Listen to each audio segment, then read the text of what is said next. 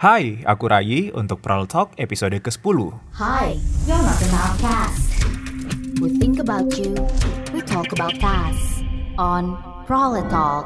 Jadi untuk podcast kali ini saya mau cerita beberapa tahun yang lalu saya punya kebiasaan untuk merawat kulit dan juga sangat peduli terhadap aturan keamanan dalam berkendara. Simpelnya kayak gini nih, misal mau keluar dan harus banget naik motor ya, itu sebelumnya saya harus pakai sunscreen dulu, pakai jaket, pakai sarung tangan, terus pakai masker.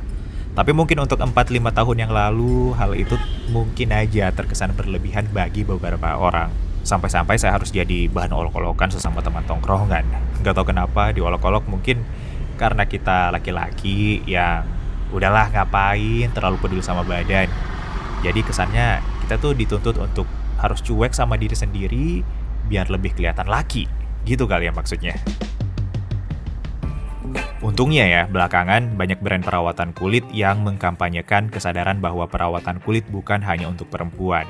Terus ada juga dari psikolog dan ahli kesehatan jiwa yang banyak menyuarakan soal kebolehan laki-laki untuk menunjukkan beragam jenis emosinya.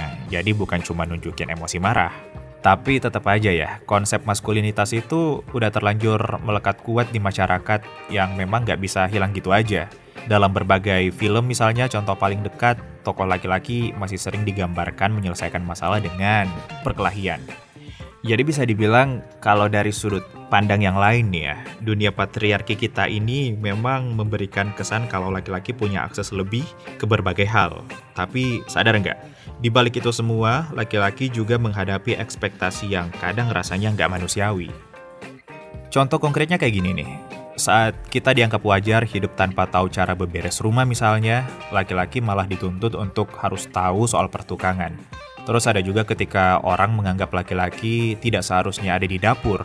Pandangan sosial justru meletakkan bekerja di luar rumah sebagai simbol harga dirinya laki-laki.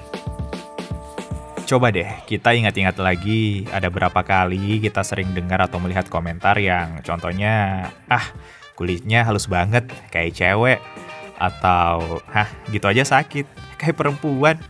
Sadar nggak kalau komentar itu selain merendahkan perempuan karena dianggap punya standar yang lebih rendah, juga secara nggak langsung membuat laki-laki lebih banyak memendam keinginan dan pandangannya karena takut dianggap feminin.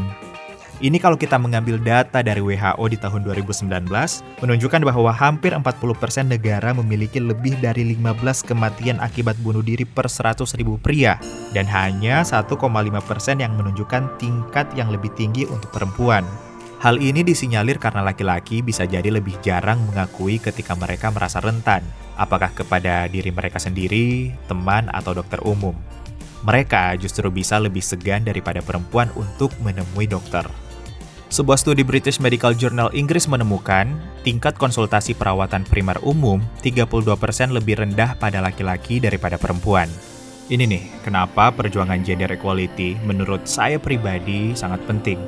Kalau kita melihat menggunakan sudut pandang yang sedikit berbeda, justru gender equality dan feminisme sering disalahartikan sebagai percobaan perempuan untuk mendominasi laki-laki. Padahal sebenarnya yang diperjuangkan adalah keadilan dan kesetaraannya. Di saat perempuan memang butuh kesempatan dan akses yang lebih baik ke dalam semua aspek kehidupan, laki-laki juga butuh kehidupan tanpa bayang-bayang maskulinitas beracun. Dunia tanpa stigma dan diskriminasi akibat pilihan yang kita ambil, dunia di mana setiap orang bisa bebas memilih mimpinya tanpa harus terikat identitas gendernya. Itulah alasan saya ikut bersuara untuk kesetaraan. Bagaimana denganmu? Sudahkah kamu bersuara?